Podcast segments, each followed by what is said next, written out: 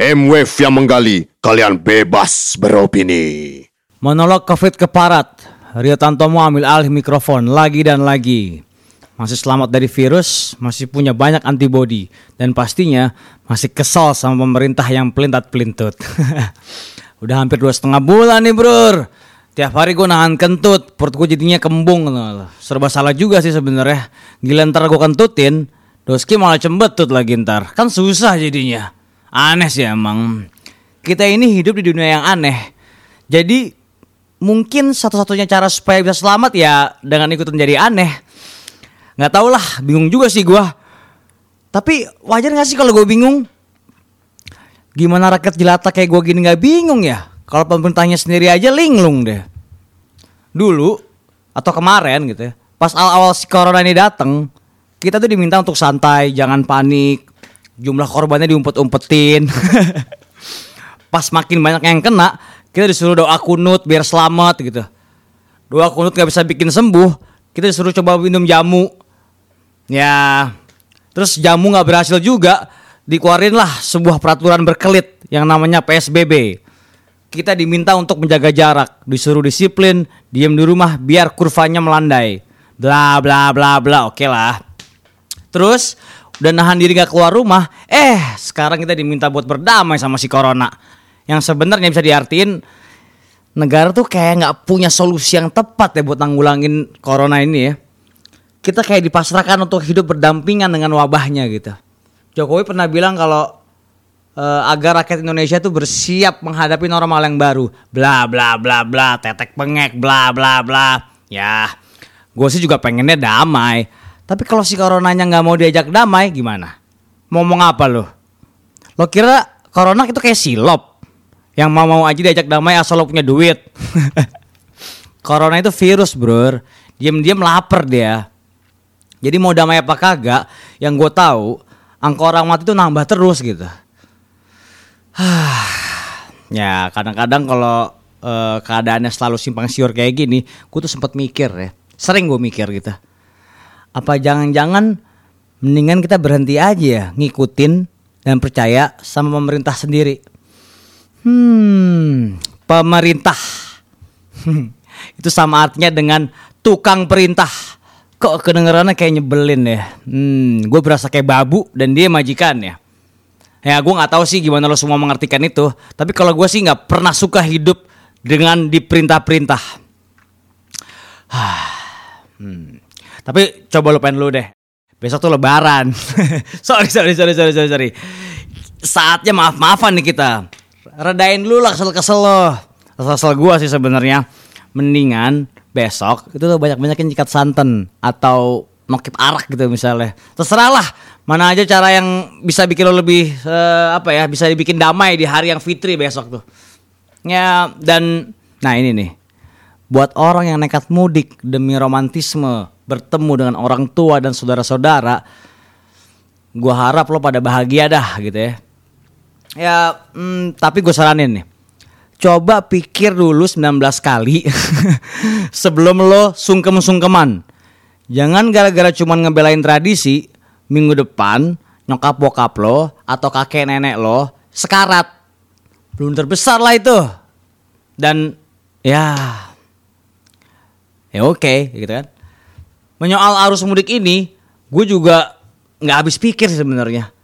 Eh uh, baru tadi siang kalau nggak salah gue lihat ada laporan dari Jasa Marga uh, bahwa ada 214.014 kendaraan yang kedapatan meninggalkan Jakarta sejak hari Minggu 17 Mei kemarin sampai hari Selasa 19 Mei gitu. Itu berarti ya dua hari tuh. Dua hari 214 ribu. Wah, menyebar dia dari Jakarta ke ya ke selatan, utara, timur ya. Ya, padahal negara sudah resmi melarang kita untuk mudik gitu itu baru yang lewat jalur darat loh.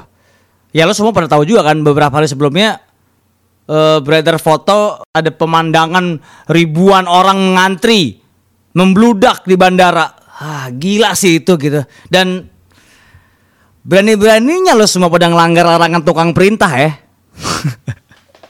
ya ya ya ya ya.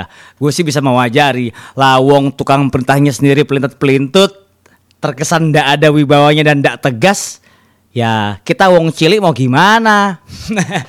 ya buktinya dalam seminggu terakhir nih, walaupun Jakarta masih dalam kondisi PSBB, jalan-jalan udah mulai macet lagi. Simatupang, Pancoran, padat mobil.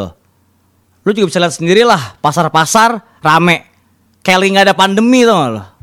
Maksudnya jadi bingung kan gitu kan. Tapi ya mungkin emang nyali orang kita tuh gede-gede ya ternyata ya entah nyali yang gede atau bodoh amatnya yang gede. yang jelas pas banget tadi siang di hari gua ngoceh ini hari Kamis tanggal 21 Mei 2020 gugus tugas percepatan penanganan COVID-19 baru aja ngumumin kalau kasus positif terjangkit virus corona di Indonesia tiba-tiba mengalami peningkatan drastis. Tercatat 973 orang eh, terjangkit corona gitu ya itu rekor tertinggi loh sejak uh, bulan Maret. Kita tahu kan kalau um, pasien nomor satu dan nomor dua itu kalau nggak salah 11 Maret ya dia kena ya. Ya akhirnya sekarang total kasus positif corona di negara kita ini uh, sekitar 20 ribuan atau tepatnya 20.162 orang. Yang sembuh 4.838 orang. Yang mokat 1.278 orang. Hmm, Kira-kira ada nggak tuh yang mati dari orang-orang sekitaran lo? Circle lo lah. Maksudnya kenapa gue nanya kayak gitu? Karena keraguan yang sebenarnya adalah masih pantas nggak sih kita percaya sama data yang dirilis sama negara? ya silakan lo jawab sendiri aja dah. Ya gue nggak ikut ikutan deh ya. Gue sih cuma bisa bilang salut, salut gitu. Ya pertarungan melawan corona ini belum selesai. Itu mesti dicamkan. Jadi jangan terlena sama kerumunan orang-orang yang ada di jalanan.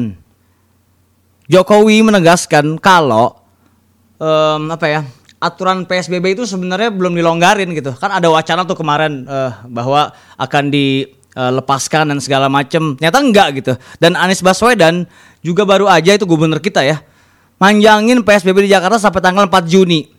Yang artinya kita akan memasuki dua minggu finalisasi terhadap masa karantina sebelum kantor-kantor kembali dibuka, mall-mall, mungkin bioskop, mungkin pasar-pasar, tanah abang segala macam di mana orang-orang berkerumunan bisa beraktivitas kayak biasa lagi gitu ya. Hmm, PSBB nih ya. Ya. Pemerintah suka bikin blunder. Peraturan sengsara bareng-bareng. Pak, saya butuh BMW. Pastikan situ bawa barang. Pelaku sodomi berak-berak Pantera, Slayer, Batori, Betrayer. Hmm. Jokowi kira-kira enggak enggak ya sama band-band yang tadi gue sebutin? Kalau ngakunya anak metal, harusnya sih dia tahu. Hmm, ragu sih gue. Ya intinya Devil Horn lah buat beliau. Uh, tanduk pak, tanduk. Oke, okay. seperti biasa, gue nggak bosan-bosan ngingetin lo semua supaya selalu siap mengantisipasi segala kemungkinan terburuk yang bisa aja terjadi akibat dampak virus ini nih. Ya, apa ya uh, uh, mungkin aja kemungkinan terburuk itu uh, kematian orang-orang terdekat lo gitu. Atau lo bangkrut tiba-tiba gitu. Ini depresi ekonomi men. Atau pecah rakyat wah. Atau nih yang paling menarik nih menurut gua dan masih buram dan abu-abu juga nih ya terwujudnya skenario vaksin chip Bill Gates dan kita semua tiba-tiba menjadi budak robot selamanya hmm Illuminati rules. Tapi satanis itu bau amis, men. Kita ini adalah zombie-zombie yang haus hiburan dan pengakuan. Panjang umur pandemi anjing.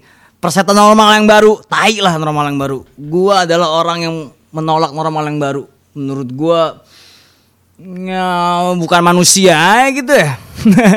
Silakan ya lo boleh ketawa. Ketawa dah tuh sampai perut lo sembelit deh. Tapi ingat, nah ini ini penting. Waspadai harus balik mudik pasca lebaran nanti. Itu benar deh. Maksudnya menurut gue itulah masa krusialnya gitu ya. Ketika jalanan di Jakarta dipenuhi oleh manusia-manusia penular yang merasa dirinya terberkati.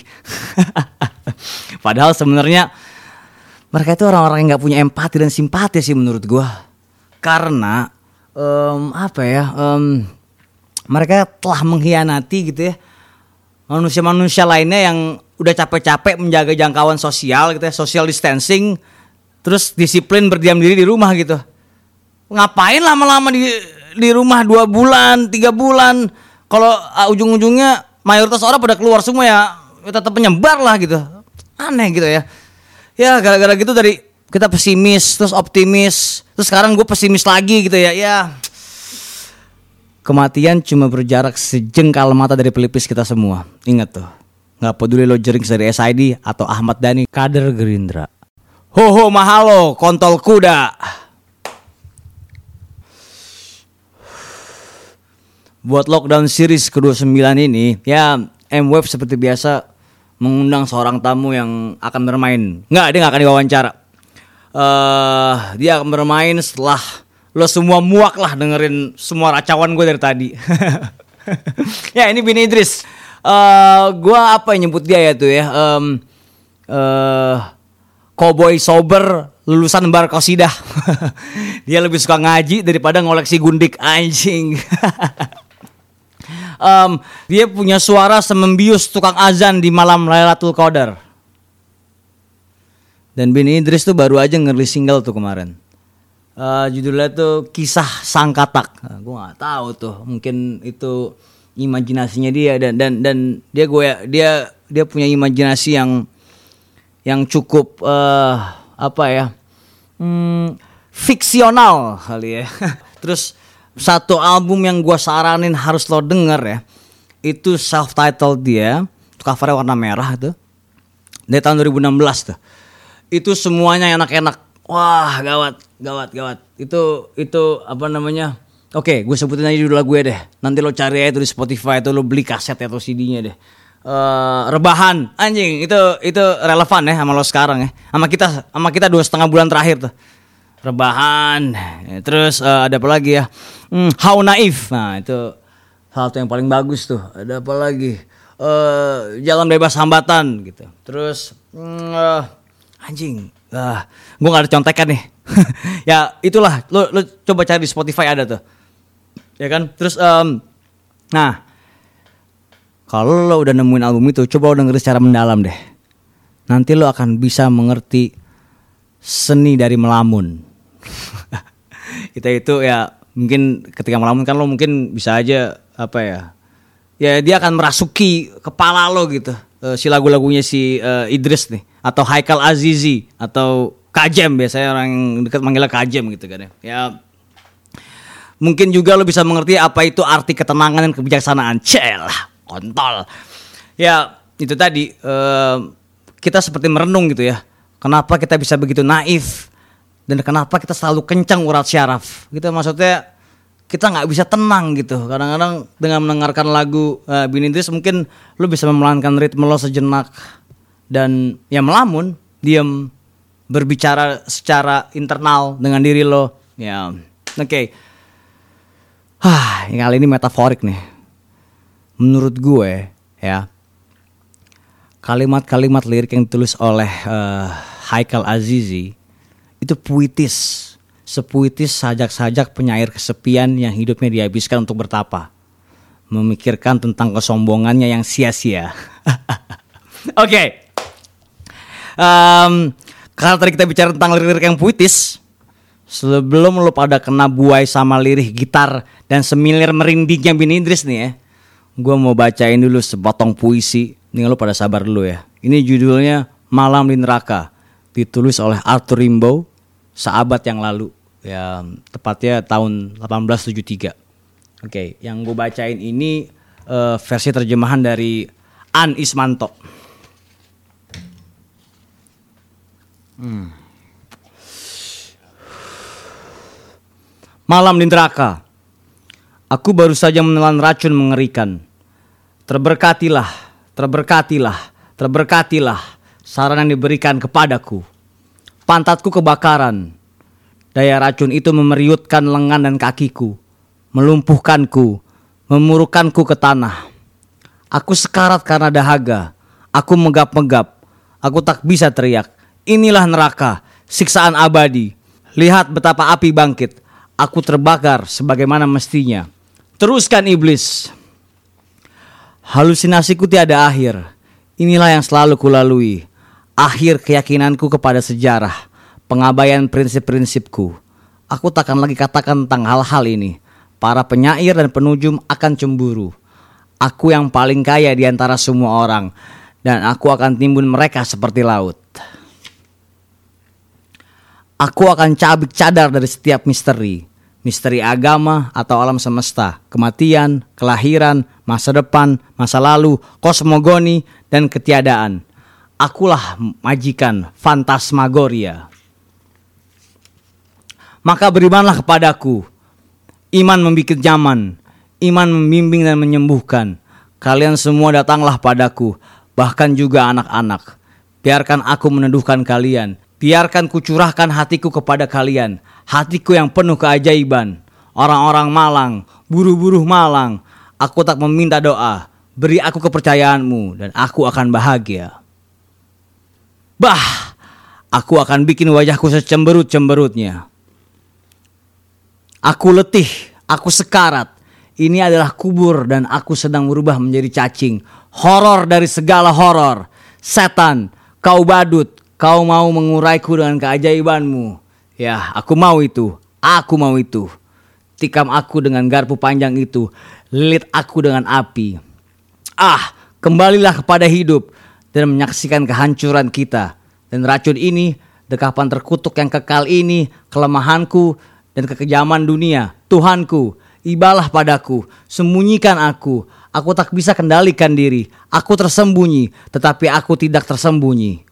Dan ketika jiwa yang terkutuk bangkit, api pun turut bangkit. Oke, kita dengerin Bini Idris. Uh, Minal Aidin wal Faizin. Sampai bertemu di lockdown series berikutnya.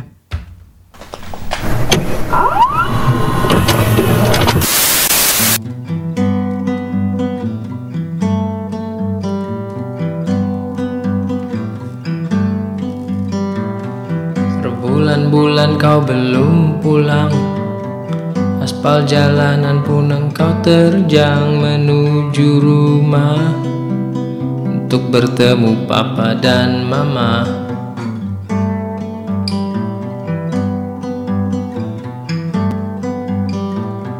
Sinar mentari silau menikam.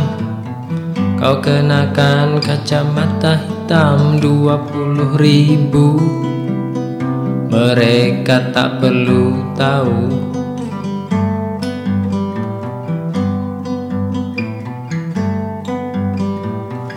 Kebut-kebutan cuma bikin pusing. Jangan berpejam nanti terguling ke tepian jalan. Mudah-mudahan jangan.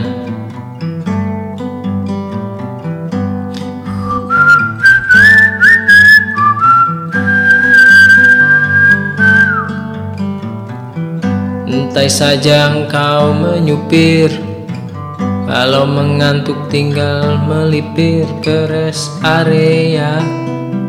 Beli gorengan 2000 tinggal.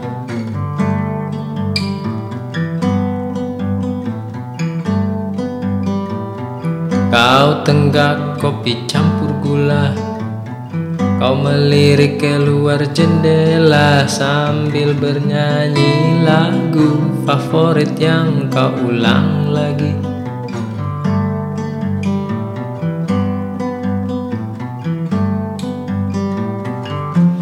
perlu terburu-buru. Biarpun sudah kepalang rindu sedikit terlambat. Yang penting selamat.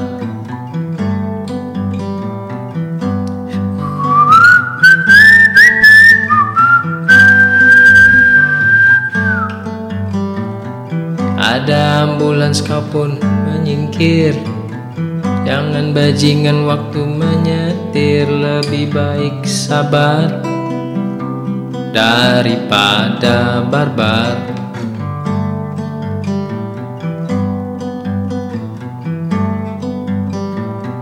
Karena jalan bebas hambatan Bukanlah tempat untuk balapan Tidak perlu nafsu Yang dirumahkan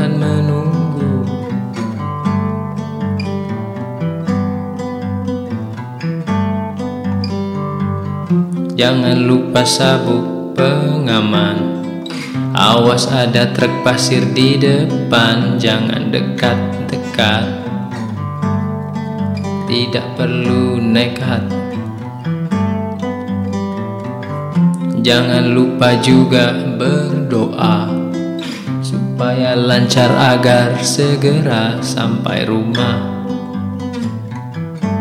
Baca bismillah Alhamdulillah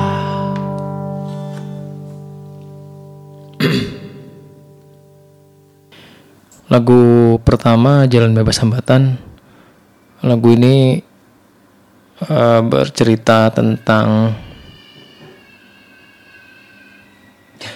perjalanan pulang, pengalaman perjalanan pulang dari Bandung pulang ke Jakarta dengan bawa mobil sendiri.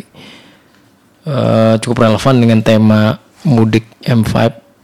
Uh, saya pribadi um, tidak tidak mengalami tidak pernah mengalami mudik jarak jauh seperti orang lain orang kebanyakan orang yang misalnya pulang kampung dari Jakarta ke Jawa ke Jogja ke Surabaya perjalanan yang sejauh itu saya nggak pernah ngalamin karena keluarga saya emang kebanyakan ya masih di Jakarta Jakarta aja paling jauh mudik pulang kampung Idul Fitri itu ke Cikarang paling Sensasi perjalanan pulang yang cukup panjang itu baru saya rasakan ketika berkuliah di Bandung. perjalanan perjalanan menuju Bandung dari Depok ataupun berpulang dari Depok ke Bandung uh, menjadi ritual tersendiri bagi saya. Jadi kayak ada persiapannya dulu gitu. Salah satunya yang paling saya ingat sih dulu uh, mau menyetir itu dari Bandung ke Depok atau dari Depok ke Bandung saya nyiapin beberapa album di dalam USB album bacakan dari torrent untuk didengar didengarkan secara penuh. Biasanya kalau ada album penting atau ada album yang ini kayaknya album ini album ini kayak perlu gue dengerin nih. Ya, biasanya uh, dimasukin ke dalam playlist untuk didengarkan dalam perjalanan itu. Dan diulang-ulang biar ngelotok di kepala kayak misalnya Dark Side-nya Pink Floyd itu dulu dikelotokinnya sambil nyetir hitam semesta komunal repertoarnya Dylan dan banyak lagi. Ya, Jalan Bebas Hambatan adalah rangkuman dari pengalaman-pengalaman tersebut aja sih. Dan saya menikmati si perjalanan berkendara sendirian dengan tidak terburu-buru menikmati perjalanan kalau misalnya pengen ngopi tinggal berhenti ke rest area ya ada ada romantismenya tersendiri bagi saya.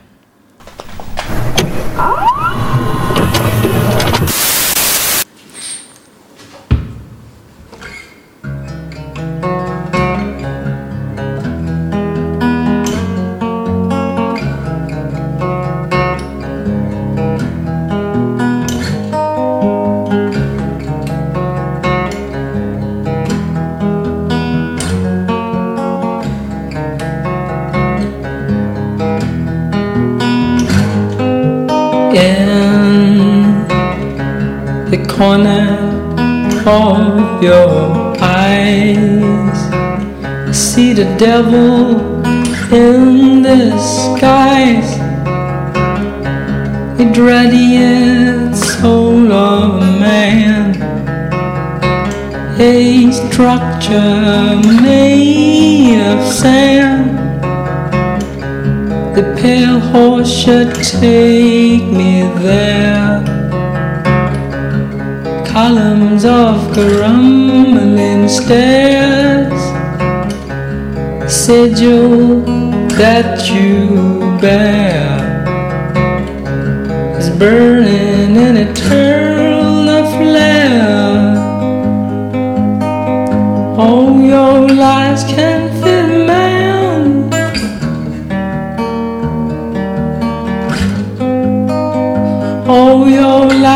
Can fit a man.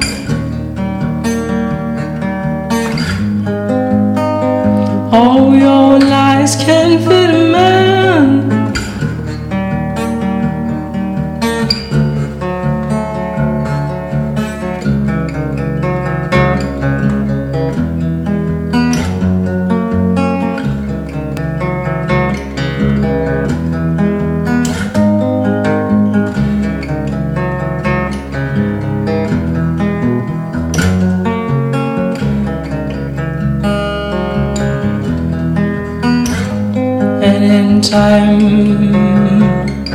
they will finally understand this word. Cold breeze be the end of our search. What we seek is one you can reach. A fortress you cannot breach. All we see and all we perceive are no longer to be believed. Can't you tell me the one that is true? Hidden just inside of you. Oh, your lies can fit a man.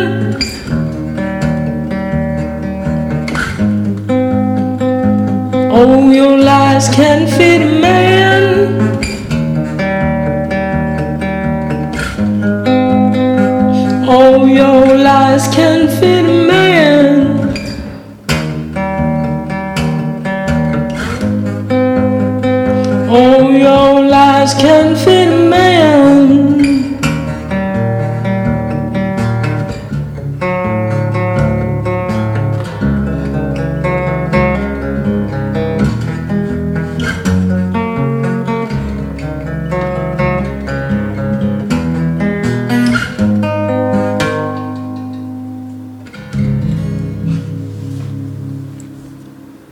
lagu kedua dari lagu cover lagu Sigmund Dev- Devil in Disguise.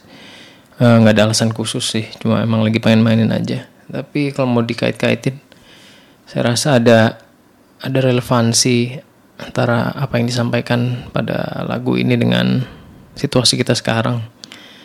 Ini mana semua orang ya hampir hampir semua orang terkunci nggak bisa ke mana-mana kebingungan dengan simpang siur informasi gitu ya. Lebih kebingungannya itu kadang lebih menyeramkan dari ininya ya dari virusnya sendiri. Karena kita sama sekali nggak paham belum memahami si virus ini apa sih. Ke- ketidaktahuan itu ternyata yang lebih menyeramkan sih. Eh, ini salah satu lagu Sigmund yang paling sering saya bawakan. Saat live Bin Idris karena dia enak buat eh, mengangkat mood pas manggung. Apalagi Bin Idris kan lagunya kebanyakan hening-hening gitu ya. Kurang kalau suas- suasananya nggak dapet biasanya harus diangkat pakai cover-cover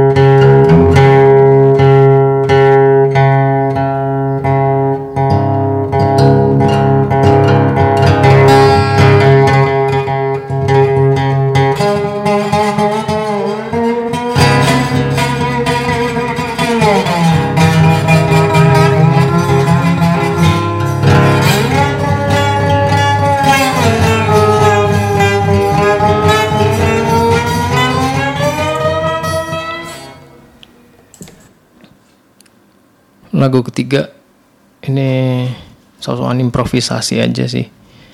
eh merasa mulai tumpul kayaknya insting buat bermain tanpa berpikir ya itu. Kemarin kata si Rio kalau mau main ngasal-ngasalan boleh aja ya udah kita sikat aja kita cobain deh main ngasal-ngasalan. Tuningnya kurang lebih seperti tuningnya Mahabharata, pendekatan juga agak mirip. Cuma tadi emang kurang fokus. gara-gara anak tau tau bangun tidur. Tapi nggak apa-apa kita kasih aja biar Rio aja yang pusing. Gitu.